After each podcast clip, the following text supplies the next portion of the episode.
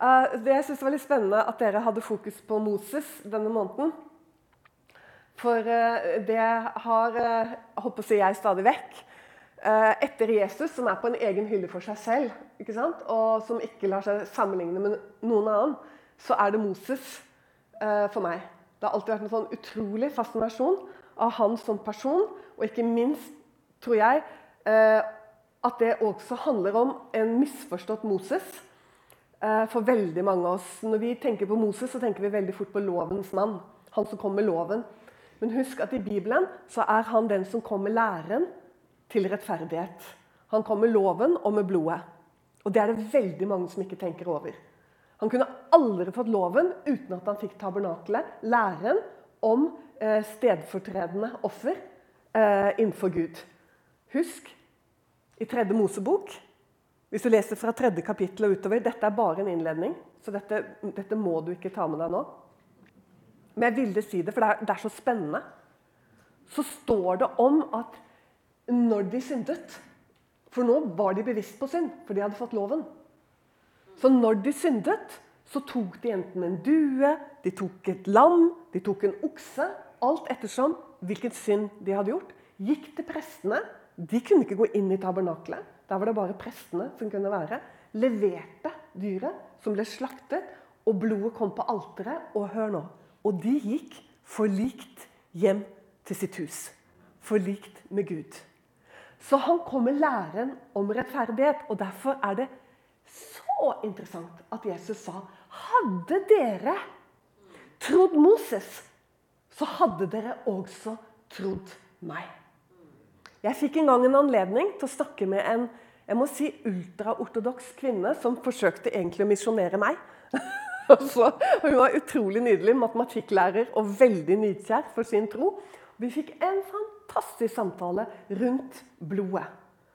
Og hun ble helt fjetret, ikke sant? for hun skjønte at hele fundamentet i den jødiske tro egentlig bunner i tempelet, læren om blodet som soner for synd.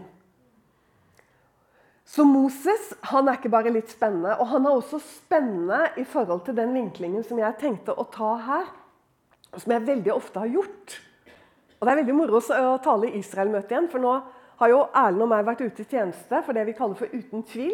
Det høres litt sånn uten tvil, liksom. sånn, Vi tviler ikke på noen ting. Uh, litt sånn uh, voldsomt. Men uh, uten tvil er fordi vi ønsker på en måte å ha uten tvil i vårt møte med Guds ord. Tørre å åpne hele Bibelen. Tørre å gå inn i ordet for det ordet sier. Og i det så er det en uten tvil på at ordet holder, og ordet har en autoritet og en nøyaktighet og troverdighet som vi trenger å få ut dere iblant oss i menighetene og ellers. Og det er det vi holder på med. Så Derfor har det ikke vært så mye tid. Eh, eller rett og slett, Det har ikke vært så mye fokus på Israel. Det har vært masse, masse andre taler som ligger ute på YouTube eller på nettsida vår hvis du har lyst til å gå inn og sjekke. Men dette er jo noe jeg aldri kan legge av, fordi det er så viktig. Og det var ikke sånn at jeg begynte å forkynne i Israel når jeg begynte å eh, jobbe for ambassaden. Men eh, det har vært med meg i forkynnertjenesten hele veien. Og dere, det beste stedet å gå til Vi kommer litt tilbake til Moses inni her. Det beste stedet og utgangspunktet for dette, det er andre Peters brev, første kapittel. Og det er eh, vel eh, 19., eh, 20. og 21. verset, mener jeg. Og Det er en god stund siden jeg har vært her nå, og jeg gleder meg til å komme tilbake dit. For dette er sånne fabelaktige, og det er lov å si, eh, vers som Peter kommer med. Og jeg tenker, Er det mulig å stappe så mye åpenbaring inn i så få setninger som han gjør i disse eh, versene? Før jeg leser de, så vil jeg fortelle deg hva som er sammenhengen for det han sier. Fordi det er vanskelig for deg å forstå sammenhengen eh, når jeg bare begynner midt i et vers. For det har jeg tenkt til. Sammenhengen er at Peter forteller om hvordan de fikk høre eh, egentlig sant? Guds røst. Vitne om at Jesus er Messias. Han er Guds sønn. Og Peter, når han skriver dette i første kapittelet, så vet han hvem som talte. Han, han er, det er ingen tvil for han om at det var Guds røst som talte. Men allikevel så sier han Og dette er viktig å legge merke til, og det er her jeg vil ta mitt utgangspunkt. 19. verset så sier han Men dess fastere har vi det profetiske ord. Som dere gjør vel i å akte på, som på et lys som skinner på et mørkt sted. Inntil dagen lyser fram og morgenstjernen går opp i deres hjerter. Idet dere først og fremst vet dette, at intet profetord i Skriften er gitt til egen tydning. For aldri er noe profetord framkommet ved et menneskes vilje, men de hellige Guds menn talte drevet av Den hellige ånd. Desto fastere har vi det profetiske ord. Altså Da skjønner vi fastere enn om en røst skulle tale. Og Peter skriver det selv om han vet hvem som talte. Og det er dette jeg syns er så spennende. Han vet at det var Gud som bekjente hvem han var. Høyt og klart. Peter hørte det lydelig. Allikevel så sier han Dess fastere har vi profetordet. Du, dette er bare så viktig å ta til seg. La meg bare si noe. Fordi vi kan forbinde dette med profetord litt forskjellig. Det det er tale om her, er det profetiske ord i Bibelen. Og det er enorme mengder. Vi snakker om jeg, jeg, har ikke talt hvor mange profetier det er i Bibelen. Garantert har noen gjort det. Jeg vet ikke hva de har kommet opp i. Det må i hvert fall ligge rundt 1000, over 1000. Det er enorme mengder. Bibelen er en profetisk bok. Fordi Gud alltid har brukt det profetiske Hør nå. For å bevise at han er Gud. Han taler, og det skjer. Han byr, og det står der. Så profeter i Bibelen er av samme kaliber for å si det sånn, som at Gud talte, det skjedde, han bød, og det sto der. Det har ingen betydning om det går 500 år. Det som kjennetegner profetordet, er at det må gå i oppfyllelse. Så når du står overfor en profeti i Bibelen, så står du overfor tre valg. Enten er det oppfylt, eller så holder det på å oppfylles, eller så skal det oppfylles. Og det er viktig, dere. Det er så viktig at vi skjønner autoriteten og hva det profetiske i Bibelen er. Vi må skjønne autoriteten, og vi må forstå ikke minst nøyaktigheten. Og Vi skal gå inn i en del eksempler på det ganske snart. For at vi forstår hvor utrolig nøyaktig Gud er. Både på antall år og på detaljer i det han har sagt. Og årsaken til dette det er for at vi skal tro når det skjer. Jesus sa, 'Nå sier dere det før det skjer', for at dere skal tro når det skjer. Du vet, Det er den samme Kristus som talte gjennom profeten Jesaja. Når han fra kapittel 40 til kapittel 50 helt spesielt sier akkurat dette Jesus sa om hensikten med det profetiske. Og det går i kapittel etter kapittel. Noter gjerne, du som har penn og papir. Du som ikke har det, du noterer bak øret. Hør her.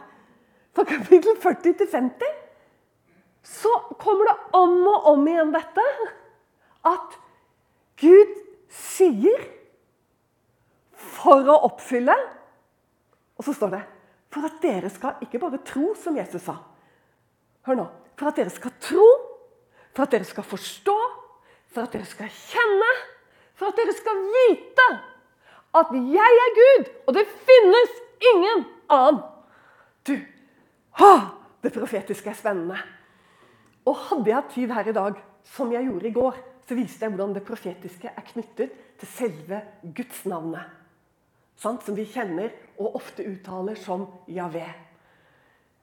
Det kan jeg ikke gjøre nå, men bare for å understreke for dere hvor utrolig viktig det profetiske og forstå hva det profetiske er, og særlig når det skal ha med Israel å gjøre. Hvis ikke vi har det grunnlaget der, så står vi litt maktesløse innenfor det som har med Israel å gjøre. Husk at i Det gamle testamentet i dag, som vi har et litt underlig navn på, Nytestamentet Alle skriftene i Det nye testamentet de kaller Gamle testamentet for de hellige skrifter. Alle de hellige skrifter er innblåst av Gud. Hvorfor går dere vill? Fordi dere ikke kjenner Skriftene. Dette er bare tre korte eksempler på at Det gamle testamentet Det fantes ikke noen andre hellige skrifter når Nytestamentet ble skrevet. Så når du leser om de hellige skrifter, både én og to og tre og fire og fem og seks og syv ganger Jeg har på en powerpoint-presentasjon tror jeg 25 siteringer i Det nye testamentet så er det det vi kaller Det gamle testamentet. Og selve utgangspunktet med GT er et problem. For hvis du har et gammelt testamente og et nytt testamente, så betyr det juridisk at det gamle testamentet er ugyldig. Mens det nye er gyldig.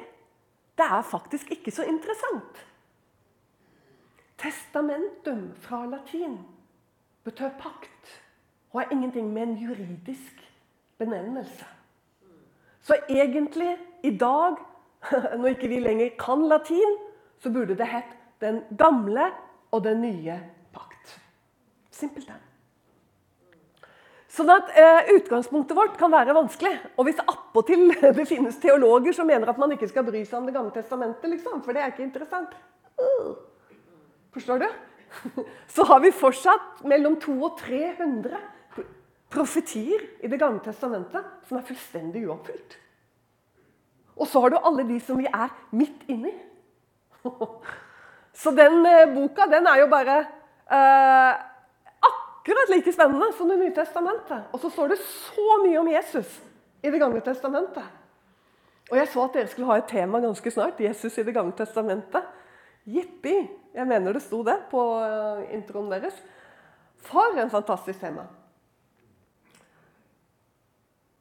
Så når Peter sier 'dess fastere har vi det profetiske ord', så vet vi at det er fastere enn om en røst. Vi tenker 'Å, hadde jeg bare hørt en røst', liksom. 'Å, hadde jeg bare kunnet talt så jeg hørte det'. fastere enn røster, om enn du vet det er Gud. Så har du det profetiske ordet i Bibelen, og da står du på en klippe. Som om himmel og jord forgår, så skal mine ord aldri forgå, fordi de må oppfylles. Fordi det er en absolutt autoritet i dette ordet. Og det er fantastisk. Det neste som står, er i samme verset Hør nå. Som dere gjør vel i å akte på. Som et lys som skinner på et mørkt sted. Og du verden. Det tenker jeg, Her kommer Peter med et veldig godt råd. For hvis du er på et mørkt sted, og i Bibelen så er det mørke sted Det var verden, det er verden, og det vil være verden. Så trenger du lys. Og vi vet at Jesus er verdens lys, og vi vet også at vi skal være lys. Jesus kalles verdens lys først og fremst i kraft av at han er Ordet. Apropos oppfyllelse og nøyaktighet. Det er vel ikke et bedre eksempel i Bibelen på profetordets nøyaktighet enn Jesus Kristus. Han kom nøyaktig etter det som var sagt om ham. Han ble født i Betlehem. Nå bare tar jeg litt, han ble født i Betlehem. Han kom av Judas stamme. Begge deler etter det profetiske ord. Han gikk omkring og løste de bundne og satte fanger fri etter det profetiske ord. Han ble født av en jomfru, han vokste opp i Nasaret, han ble kalt tilbake fra Egypt. Alt sammen i nøyaktighet etter det profetiske ord. Han er fremfor alt et lys i mørket fordi han er ordet som ble kjød og tok bolig iblant oss. Han er egentlig det, det profetiske ord. Og alt profetiske ord i Bibelen springer ut av, nemlig løftet om Messias, fredsfyrsten, og alle folk skal bli ham lydige. Sånn at Israel og Jesus er fullstendig uatskillelige. Så når vi interesserer oss for Jesus, så er det fordi vi interesserer oss så innmari for Jesus. Det er umulig å ta dem fra hverandre. Moses, som skulle bli en tjener som mer enn David skulle få lov å forkynne om Kristus, om det stedfortredende lam, om gjenløseren som løste oss ut, ikke fra Egypt, men billedlig er Egypt verden. Med blodet tegnet på stokker over og på siden. I Isaiah 63 så står det 'Vår gjenløser'. Hvor er du? Fra eldgammel tid. Skriv Jesaja 63. Fordi det er en profeti som ikke er oppfylt. Hele kapittelet. Og Det handler om Jesu gjenkomst, og at Israel får sine øyne åpnet. Og de begynner å rope etter Hvor er han? Som åpenbarte seg ved Moses sin side. Hvor er han? Som ga sin hellige ånd midt i tabernaklet på blodets grunn. Sånn roper profeten ved Guds nåde. Hvor er han? roper de. Og så sier de, han er jo vår gjenløser. Hva skal vi med Abraham? Hva skal vi med Jakob? Vi er jo døde, litt sånn på godt norsk nå, altså. Død og begravet. Så sier de, 'Du er vår gjenløser'. Fantastisk.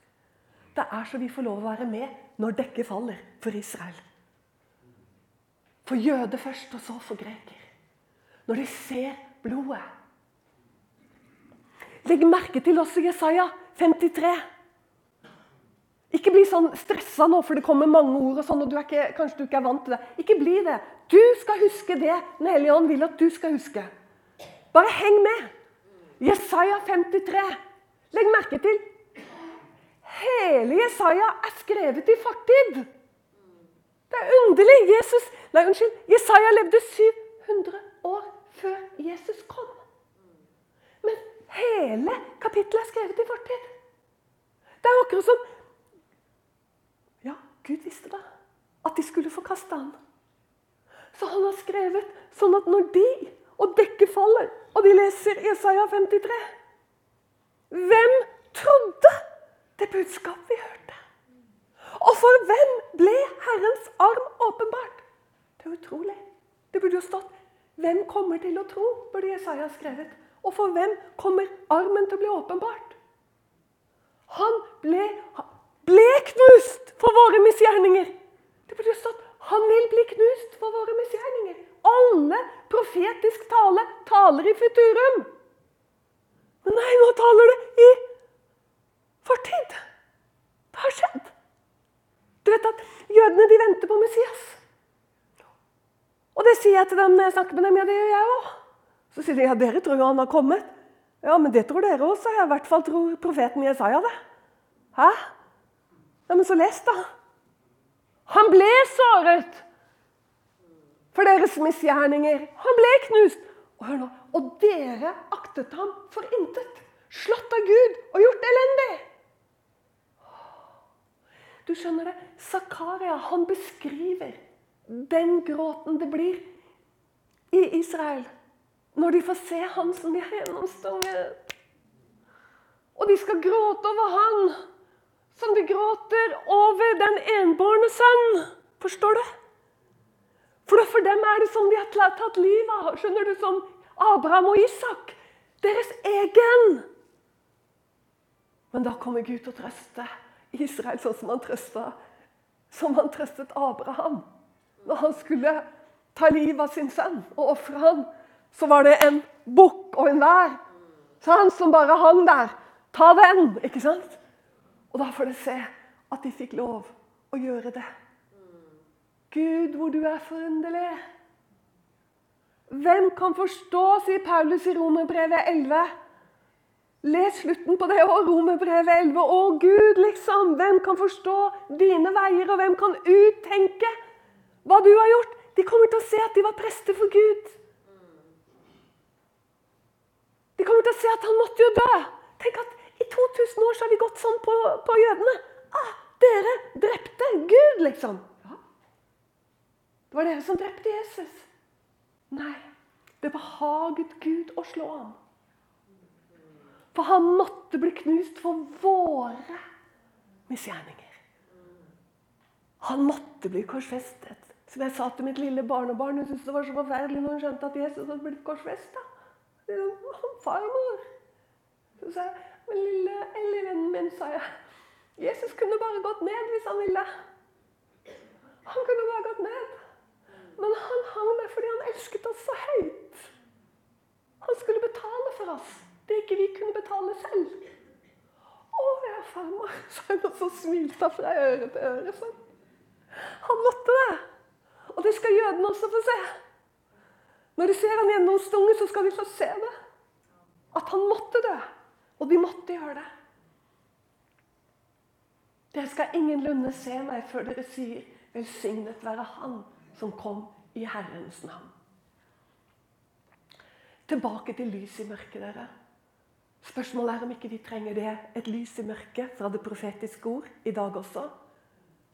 Sånn at ikke vi går feil og går vill og ikke skjønner hva som foregår, og røsten og sinne gjennom TV og alt mulig. At vi plutselig liksom begynner å øh, sant? For vi forstår ikke hva som er i gjære. Det er interessant at Bibelen viser oss at før det profetiske Og da tenker jeg når store ting som Gud har sagt, skal oppfylles Når store ting Gud har sagt, skal oppfylles Da dere settes det inn en veldig kamp. Og det er fordi det er så viktig. Når Moses skulle fødes, han som skulle bli læreren til rettferdighet og som skulle bli et forbilde på Kristus av en annen verden gjennom sin tjeneste. Så ble det altså et sånt vanvittig kaos og hat mot hans folk at det minner oss om Jesu egen fødsel. For også da begynte Herodes å drepe guttebarn. På samme måte som farao bestemte at dette folket som Gud hadde sagt at er velsignet, og den som velsigner dem, skal være velsignet. Så fins det en som jeg pleier å kalle for kjellermesteren, som snakker til et annet øre. Og han lyver og sier alltid det motsatte av Gud. At de er forbannet. Og det er egentlig antisemittismens fellesnevner. Det er noe galt med dette folket. Det er noe med dem. De lager bråk og vanskeligheter. Uansett om du går inn i Italia på 1500-tallet, Spania på 1400-tallet, hør hva jeg sier, Polen på 1600-tallet, Russland på 1800-tallet Det er noe galt med dem. Det er noe med dem. Putt i gettoer. Merk de på klærne. Sett klovnehatter på hodet deres eller gule ringer på klærne dem, som tyskerne gjorde allerede på 1200-tallet. Så Hitler han bare tok opp en gammel greie. Vi har alltid holdt på sånn. Helt ifra de ble et folk, og det ble de i Egypt. Og farao var den første. De begynte å bli mange. Les det. Først, helt i begynnelsen av andre Mosebok så sier farao nå begynner de å bli så mange. Og han hører på det øret han ikke skulle burde høre på. Nå begynner de å bli så mange. Og, nå, og, og så kommer det. Og når de har blitt mange nok, så kommer de til å vende seg imot oss. Var det ikke det Hitler-Tyskland og sånn også? At de går imot den tyske nasjonen, og de ødelegger for Tyskland. Det er liksom, og så har Gud sagt det er en velsignelse. Forstår du? Så det begynte i Egypt. Allerede der. Og en enorm kamp, og alle guttebarn skulle drepes. Og Moses ble reddet og ble lagt i denne kurven. Og, og både han selv, og det kan vi forstå gjennom talen til Stefanus i apostlenes gjerninger at Moses trodde at han, han forsto tidlig at han skulle være et redskap til å frelse jødene ut av Egypt. Pust litt nå. Fordi nå skal jeg si noe som er litt viktigere. Alt er viktig, men dette er veldig viktig. Hvordan kunne det ha seg at jødene De het jo ikke jøder den gangen, men israelittene i Egypt forsto at de skulle ut av Egypt. Og at Moses forsto at han skulle være et redskap for å få de ut fra Egypt. Fordi nå var tiden kommet for at profetien Gud hadde sagt 500 år tidligere til Abraham, skulle oppfylles. Forstår du? Altså, Derfor ble det kaos. For nå var tiden inne. Det har gått 500 år minus pluss. Gud hadde sagt til Abraham, kapittel 15, første Mosebok Det folket jeg skal gi deg, havner i slaveri i Egypt. Han sa ikke Egypt. Han sa hos et annet folk som ikke er deres folk. Og hør nå. Hør hvor nøyaktig profetordet er.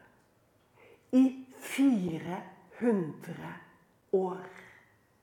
Altså, De fikk vite De kunne telle ned årene. Og nå tror ikke jeg, og heller ikke du, at majoriteten av israelittene i Egypt under slaveri i disse årene eh, fremdeles trodde og hoppet. Antageligvis hadde majoriteten sluttet å tro og håpe, og hadde mange av dem begynt å tilbe Egypts guder. Hva vet jeg? Noe sånt noe. Men du må regne med at det var troende. Og jeg tenker på Moses og den familien han kom fra. Husk at han var hos moren sin ganske lenge, for hun ble jo ammen hans. Ja, Uansett, dette er detaljer, ikke viktig. Men forventningen om at de skulle settes fri, den var der. Og når tiden nærmer seg, så blir det enda verre. Farao bare kommer til å bli enda verre, enda mer kaos, enda mer motstand. Alle guttebarn skal drepes. Jeg kunne gitt deg så mange eksempler, men tiden forhindrer meg å gjøre det. Men la oss da si fra jødene begynte holdt å si, å tørke, tørke støvet av og vende seg imot det som da het det palestinske området i det ottomanske riket på slutten av 1800-tallet så begynte de jemenittiske jødene gjennom profetordet. Vi må hjem. Messias kommer snart. Og så var det de russiske jødene. Husk, De første russiske jødene var ikke kommunister. De var religiøse. De rømte pga. antisemittismen på begynnelsen av 1900-tallet. Og de var mange. Flere tusen. De må hjem. Messias kommer.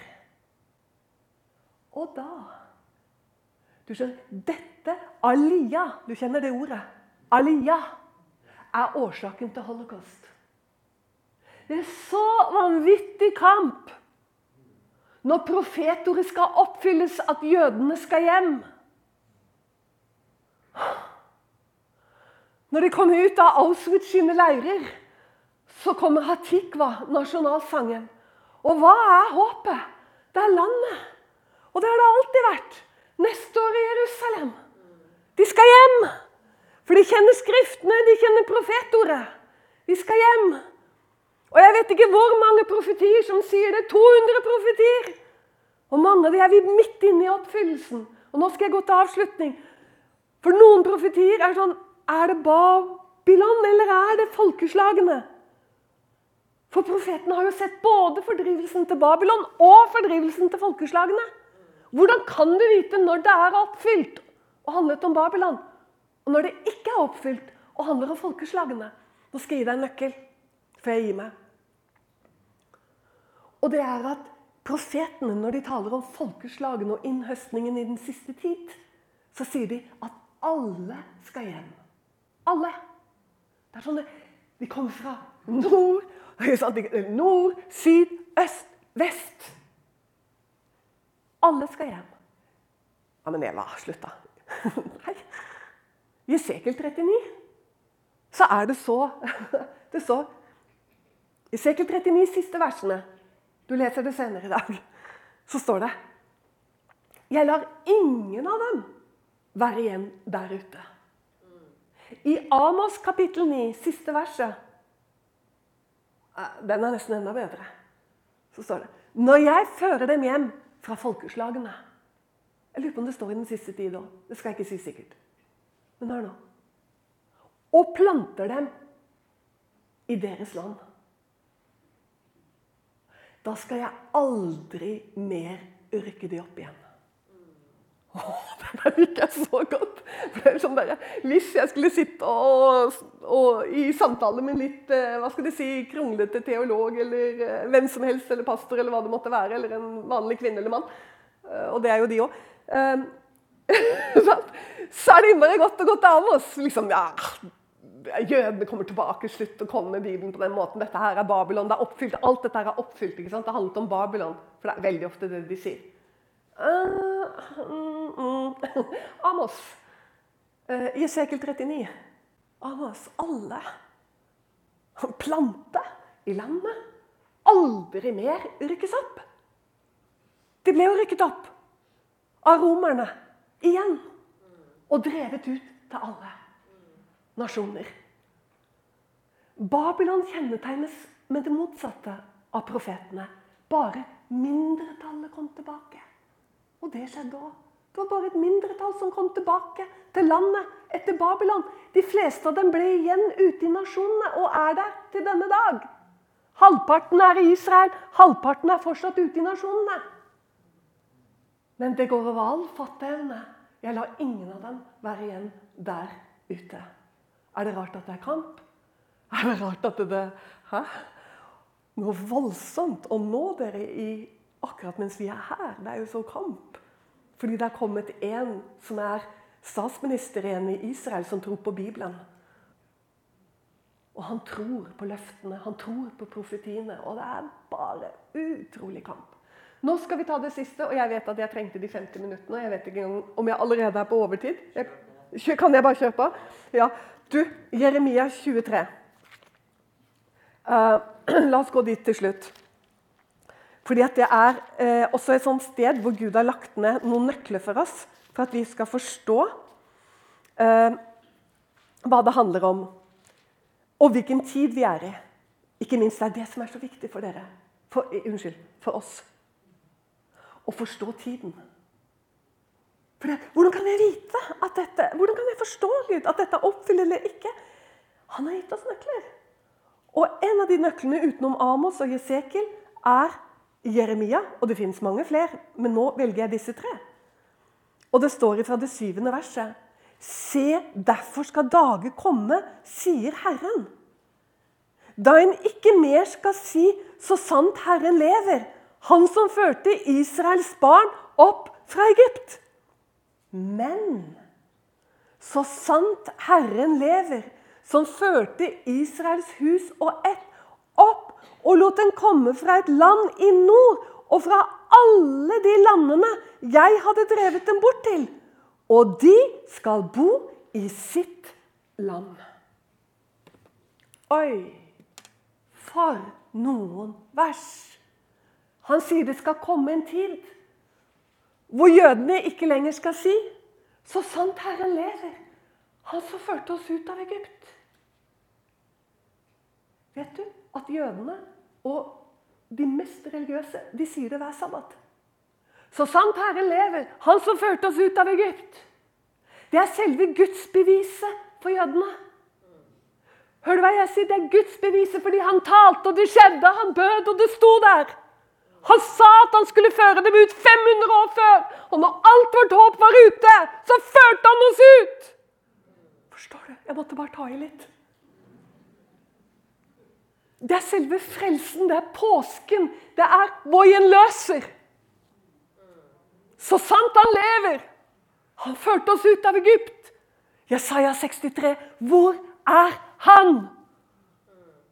Det er det de kommer til å rope, og snart skal de rope. Hvor er han?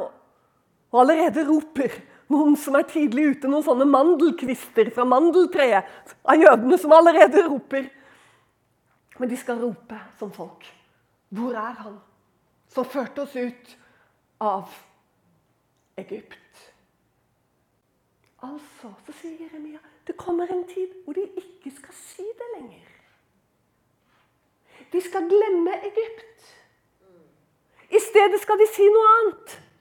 De skal si så sant Herren lever, Han som førte oss ned fra et land i nord, og fra alle landene han hadde spredd oss ut til. Da vet du at det ikke er oppfylt. For jødene den dag i dag sier til påske og til pinse og til løve til fest og noen av dem til sabbaten Så sant Herren lever, Han som førte oss ut av Egypt. De har ikke endret bekjennelsen sin. Men de kommer til å gjøre det. Hvordan det skal skje, når det skal skje, jeg vet ikke. Men jeg vet at det skal skje fordi profetordet sier det. Så nøyaktig. Det kommer til å skje. Og hør nå. Så tenker du et land i nord. Men har ikke de fleste kommet ned fra Russland og Ukraina nå? Jo, de aller fleste har kommet ned, og nå akkurat i disse dager så kommer den siste resten i full fart ut av Russland og ut av Ukraina. Men det er noe som har skjedd med landet i nord for over 100 år siden.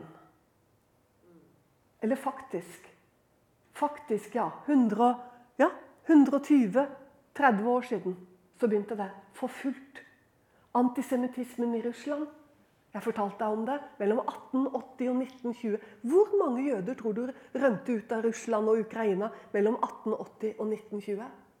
Bare, bare tenk inni deg nå. Hvor mange tror du det var? Jeg kan si det til deg. Det var to millioner. To millioner ut av Russland og Ukraina pga. drap, ødeleggelser av landsbyer, massevoldtekt av kvinner. De stormet ut. Hør nå. Jeg vet ikke akkurat prosentantallet. Hvis jeg sier at noe sånt noe som 90% reiste til USA, så skjønner du hvor jødene i USA kommer fra. De har russisk bakgrunn. Så å si alle sammen er russiske jøder. Og så har de vært der nå i USA. Og de har blitt til eh, hva? Fem millioner. Og de skal alle sammen ut. For det har profetordet sagt. Og da, dere, og hvordan det skal skje, og når, jeg aner ikke. Jeg vet ikke hva som må skje først heller, for at det skal i det hele tatt være mulig. Men det jeg vet, dere, er at det kommer til å skje. Og antageligvis kommer det til å få karakter. Ikke bare at det overgår Egypt i mengde. Forstår du? Her snakker vi om fem millioner mennesker som fortsatt skal hjem. Jeg aner ikke hvordan det skal skje, men jeg vet at det skal skje. Og da kommer de til å endre sin bekjennelse. Det blir ikke lenger 'så sant Herren lever', han som førte oss ut av Egypt. Det blir 'så sant Herren lever', han som førte oss ned fra et land i nord. Det er fortsatt land i nord. De bare flyttet seg lenger vest. Og så ble de enda flere. De skulle overgå Egypt. Og så skal de ut! Oi, oi, oi, oi. Jeg vet ikke om du klarer å ta det, men når du jeg tar det, for jeg vet hvor nøyaktig og hvor til de grader troverdig det profetiske ord er, og det skal tas nøyaktig. Da har jeg kommet til veis ende. Barna har kommet inn. Og eh, jeg lurer på om jeg bare skal få be en bønn for oss før jeg gir oss. Herre, jeg takker deg for ditt ord er levende ord. Det er ånd og liv, Herre. Og dine ord er sannhet. Du sa, Herre, hellige oss i sannhet. Ditt ord er sannhet. Hjelp oss, Gud, at ordet ditt får mer og mer makt i det vi tør å tro det, og tør å stole på deg. Og vite og kjenne hvem du er.